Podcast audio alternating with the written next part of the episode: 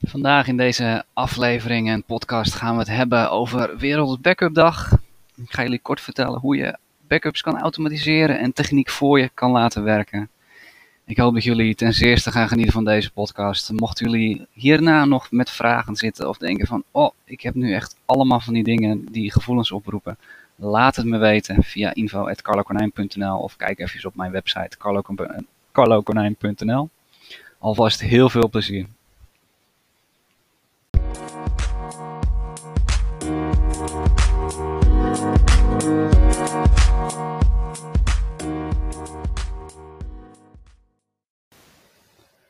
Welkom bij de eerste aflevering. Het is bijna World Backup Day.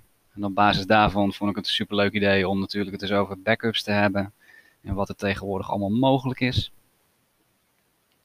World Backup Day is eigenlijk in het leven geroepen om ons te bewust te maken van onze data en daar zo vaak mogelijk een backup van te maken. Dus uh, we gaan het er eens even kort over hebben. Wordt wat. Uh, we hebben tegenwoordig natuurlijk gigantisch veel data ondertussen. We hebben zoveel apparaten, van onze mobieltjes tot computers en notebooks. En onze data gaat eigenlijk alle kanten op. Het is bijna niet voor te stellen. Joh. Ik kan me nog herinneren dat ik inderdaad met floppies uh, rondliep en uh, daarmee wat bestandjes uitdeelde. Uh, je hebt het vast wel eens een keertje meegemaakt dat je zo'n floppy in je computer stopt. En dan krijg je zo'n leuke melding in beeld. Um, wilt u deze formateren? En dan dacht je, oh, hmm, dan ging het bestandje die ik erop heb gezet. Nou, was natuurlijk toen nog niet zo'n drama. Op dat moment uh, gebruikten we natuurlijk nog niet zoveel uh, data. Dat is tenslotte uh, vroeger, moet maar zeggen. Maar tegenwoordig gaat het natuurlijk best wel hard. Hebben een telefoontje waar een aantal gegevens op staan. We op onze computer inderdaad uh, behoorlijke bibliotheken staan. Of je hebt bijvoorbeeld een notebook waar het uh, op staat. En sommige van ons die hebben uh, natuurlijk al een tablet waar heel veel gegevens op staan. Dus het gaat best wel, best wel hard. Nou voor de meesten is het waarschijnlijk al bekend dat we tegenwoordig heel veel met de cloud doen. Voor degene dat het nog niet bekend is, ga ik daar toch even kort in wat over vertellen. de cloud, dat is ontworpen uh, een beetje uit het idee van normaal uh, slaan wij bestanden op op externe harde schijven. Maar ja, dan moet je jezelf toch iedere keer weer daartoe brengen om een backup te maken op die externe schijf. Op een gegeven moment vergeet je dat natuurlijk en dan gebeurt het niet. Nou, toen waren er een paar slimmerikken die zeiden van, nou ja, wij hebben hier een centraal serverpark. Wat als we daar nou mensen hun data laten opstaan en dan gaan wij al die hardware realiseren. Voor zorgen dat het zo veilig mogelijk is. En als er een probleem is met een harde schijf, dan vervangen wij die zo snel mogelijk zonder dat daar iemand natuurlijk last van heeft. Een stukje redundantie aan hun uh, kant. En de meeste uh, mensen herkennen ongetwijfeld wel uh, cloud providers zoals Google, Microsoft, Apple of Dropbox. Ik geloof dat ik zelf oorspronkelijk ben begonnen met Dropbox. Dat toen een van de eerste is waar ik mee in aanraking kwam. Wat wel ironisch is, omdat ik uh, eigenlijk heel lang al een Microsoft account, account heb gehad. op een gegeven moment kregen we daarin SkyDrive. Tegenwoordig is dat OneDrive uh, geworden als cloudopslag. Maar zover ik weet ben ik inderdaad in Dropbox begonnen. Nou, het idee erachter is natuurlijk van, ja kijk, normaal sla jij van alles op op je computer. Als er iets met die computer gebeurt, dan ben je al je gegevens kwijt. Dat is natuurlijk super zonde. En dat willen we niet. Dat is... Uh, logisch. Dus zijn we begonnen met uh, cloudopslag om daar je bestanden in op te slaan. Dit uh, huur je meestal per maand of je krijgt in een abonnementpakket. Ik, Microsoft heeft het ondertussen in hun Office pakket gestopt. Dat je 1000 gig aan cloudopslag krijgt in combinatie met Microsoft Office. Natuurlijk super handig wat dat betreft. Uh, Apple heeft daar zijn eigen systeem voor met iCloud en uh, Google zijn eigen met uh, Google Drive. Ehm, wat gebeurt er nou eigenlijk als wij in de cloud werken? Nou ja, alle bestanden die jij op jouw computer of notebook hebben gestaan, die worden gesynchroniseerd naar de cloud toe. Dus die worden gesynchroniseerd naar die centrale server. Daar merk je zelf eigenlijk niet zoveel van. Je werkt nog steeds op jouw computer vanuit hetzelfde mapje of op een Apple in de Finder. En meestal zie je naast die bestanden dan hele mooie groene vinkjes staan van ja, kijk, ik heb dit in de cloud uh, opgeslagen. Dus als er nu iets met jouw computer of notebook gebeurt, nou ja, uh, no worries, dan uh, staat het nog steeds in de cloud en dan kan je er gewoon bij. Nou, in verhouding tot floppies, externe harde schijven is dat natuurlijk best wel een technologische happening. Ik ben natuurlijk super blij mee dat het allemaal kan. Um, dit is ook de eerste methode eigenlijk om een backup te maken van je computer. Al mogen we dit niet specifiek een backup uh, noemen. We noemen dit dus een online uh, backup. Waar je bestanden in worden opgeslagen. En dat gaat in veel gevallen eigenlijk heel uh, eenvoudig. Heb je een Windows computer, dan staat OneDrive vrijwel altijd al op je systeem. Heb je een Apple, is het iCloud. En zodra je daar bestanden in opslaat, dan gaan ze eigenlijk de cloud in. Ja. Um, dit is een geweldig systeem. Alleen tegenwoordig wordt er enorm op uh, benadrukt van hey let op, je cloud wordt beveiligd met je e-mail en wachtwoord. Gebruik een sterk wachtwoord, want tegenwoordig helaas door internetbedreigingen kan dit gehackt worden. Of in het erg geval als jij zelf een virus of malware op je computer krijgt, kan dit ook jouw cloudopslag uh, infecteren, omdat je daarmee verbonden bent. Dus hierom wordt er eigenlijk aangeraden om ook een backup te maken van jouw cloud. En in deze podcast ga ik het dus even hebben over een aantal manieren dat je een extra backup kan realiseren uh, van je cloud, maar ook extra manieren van je computer, zodat je ook op een andere plaats je gegevens kan opstaan en een backup kan realiseren. De makkelijkste manier om dit te doen, dat noemen ze met een Synology NAS. Een NAS is eigenlijk een netwerkharde schijf. Het is een beetje hetzelfde idee als een externe harde schijf, alleen dit kastje wordt dan aangesloten op het internet. Die je bijvoorbeeld in je meterkast uh, naast de modem plaatst, of bij je op kantoor, net wat je zelf het makkelijkste vindt. Nou, wat een NAS dus eigenlijk kan, in combinatie in ieder geval met de cloud providers zoals uh, Microsoft, Google, uh, onder andere Dropbox, is dat ze een backup kunnen downloaden van jouw complete cloud. Dus alles wat jij daarin op hebt geslagen, in sommige gevallen ook zelfs de e-mail, als je daar een e-mailaccount uh, uh, hebt, wordt die gedownload op jouw NAS. Het kan elke dag, het kan elke week, het kan elke maand, dat kan je zelf aangeven. Nou, dit is super handig. Het komt eigenlijk een beetje voort uit het idee van een externe schijf, van dat je normaal gesproken dat zelf had moeten doen. Dus zelf inderdaad elke week een backup maken uh, of uh, elke maand. Dat doet die NAS dan eigenlijk voor jou. Dat automatiseer je, dat stel je één keer in en dan gaat dat allemaal automatisch. Dat is natuurlijk uh, super prettig.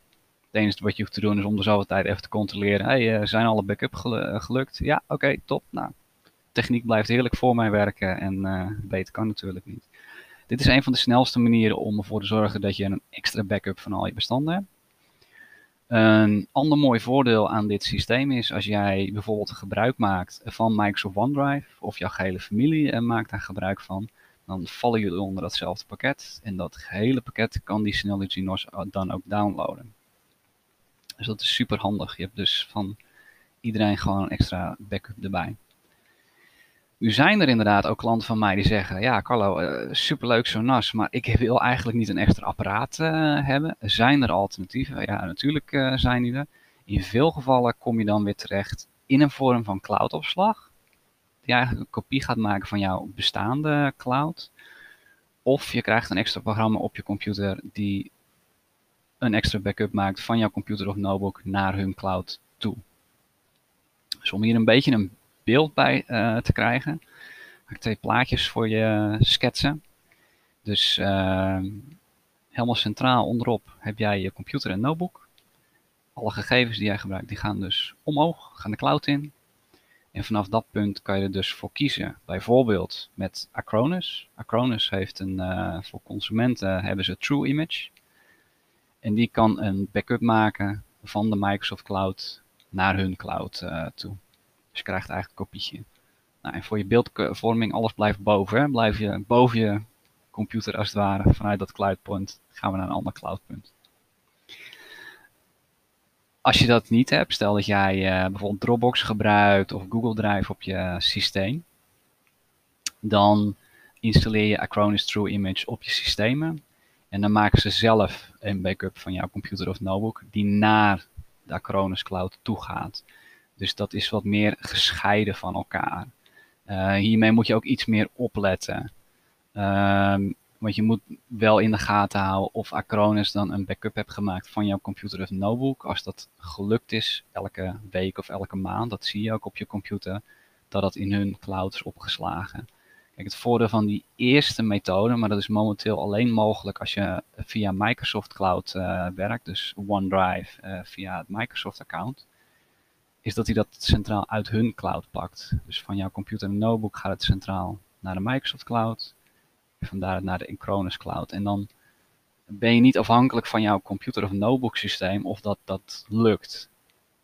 Het lukt vrijwel altijd zeg maar via die Microsoft Cloud, want het is een Windows computer. Dus dat, uh, dat werkt op die manier.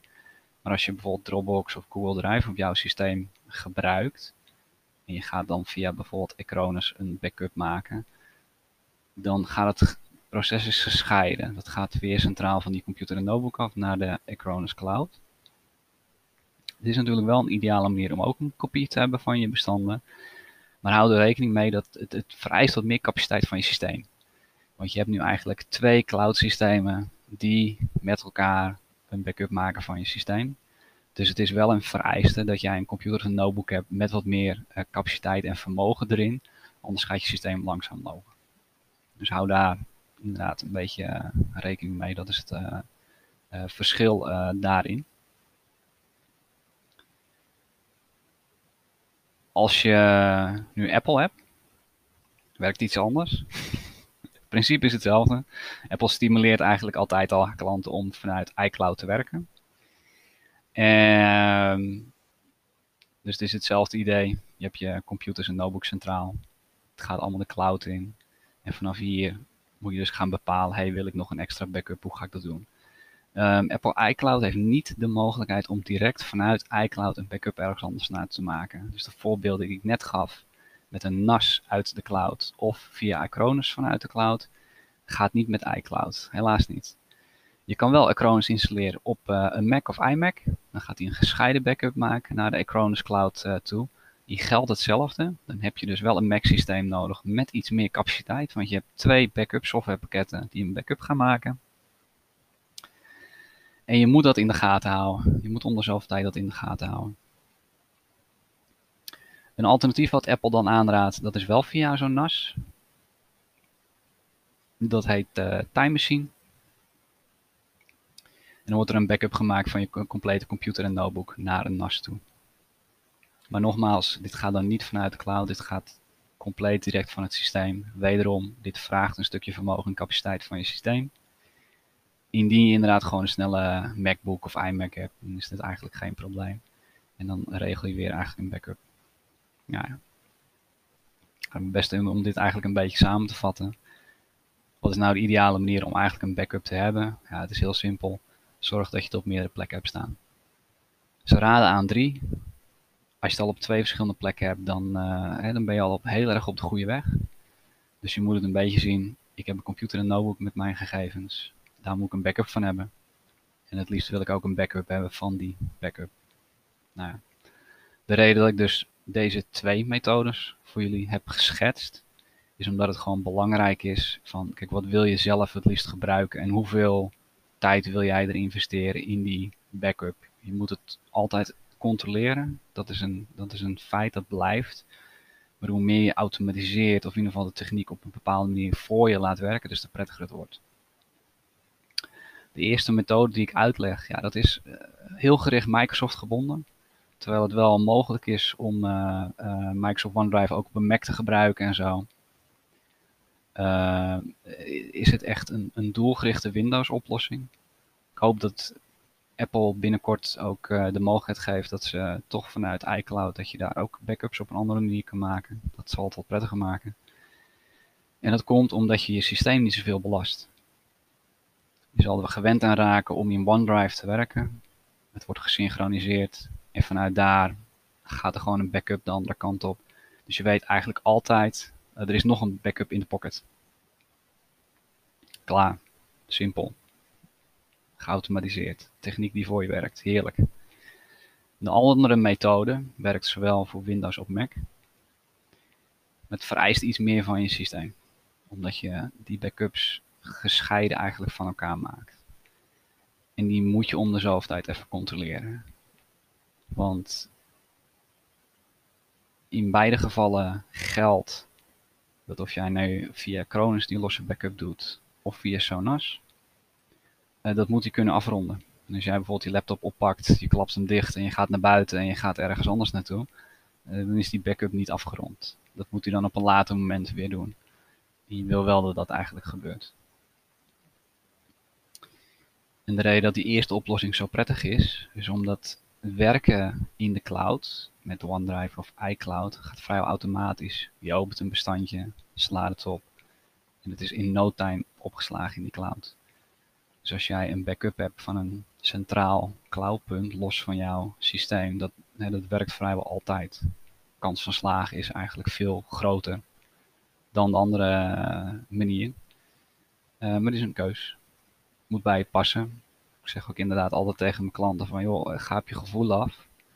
Hè, kies een oplossing die jou bij je past. Um, Apple-gebruikers is er één van. Kijk, je kiest voor Apple met een bepaalde reden. Je hebt duidelijk geen zin om met een Windows-computer te werken. Dat kan. Dat mag. Um, maar dan heb je iets meer na te denken over je backup. Dan uh, splits je dat inderdaad iets op. Nogmaals, ik hoop dat dat binnenkort inderdaad uh, anders kan, maar misschien ook niet. Dus hou daar inderdaad gewoon rekening mee. Voor Windows-gebruikers zijn er inderdaad wat meer oplossingen voor om dat te realiseren. Vooralsnog dan ga ik lekker deze aflevering uh, afronden. Zorg er altijd voor dat je een backup hebt. Bij voorkeur de eerste geautomatiseerd. Dat werkt het prettigst. Geeft je ook het meest rustige gevoel. Uiteindelijk is het zo dat je ook gewoon de deur uit wil lopen en weten van nou, ik heb een backup in de pocket. Klaar.